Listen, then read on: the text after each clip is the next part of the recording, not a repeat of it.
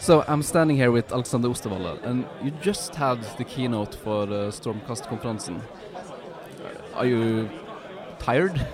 you got to ask the audience if they were engaged. I, I had a lot of fun.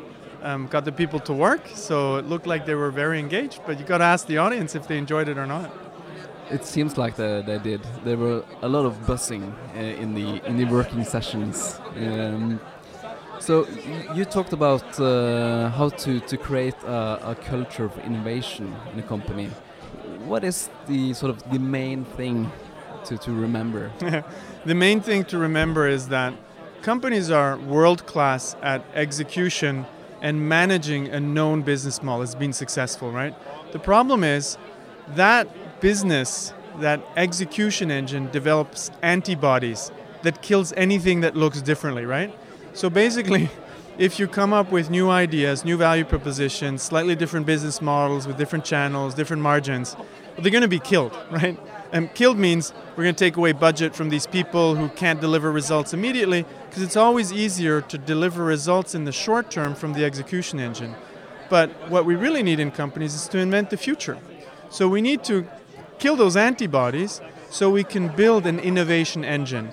And what that means is not innovation theater, just doing a couple of things that look great and feel great. You know, it's not about a new innovation room. Everybody builds innovation rooms. That's not the problem.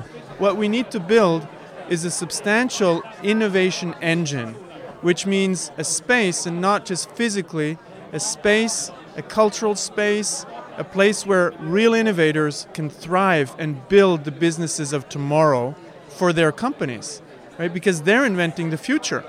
Because if you don't do that, you might end up like Kodak, right? Great business had 140,000 employees and they disappeared because they didn't take care of the future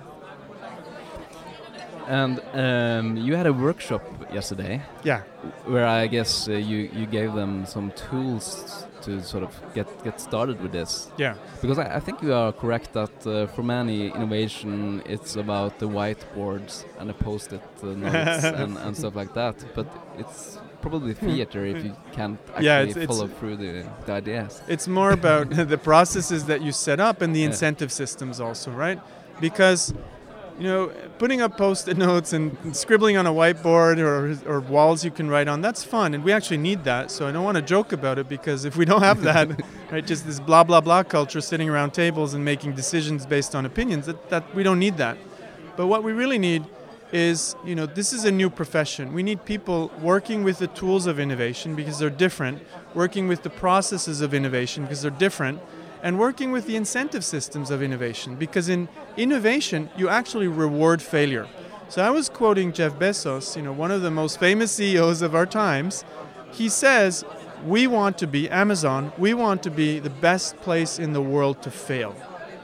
Have you ever heard a CEO say that? That we're world class at failure. That's what he's saying.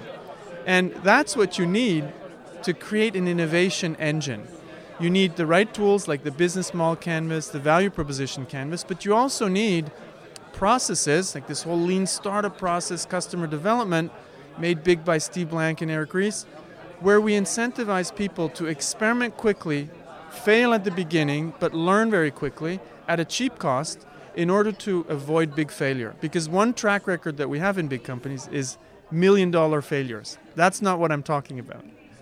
And I think with that, that that is probably a good good place to to to stop this conversation, and uh, I hope people take this to heart.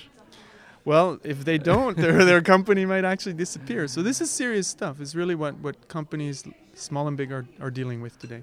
All right. Thank you so much for being here, and pleasure to be here. Enjoy the rest of the conference. Thanks.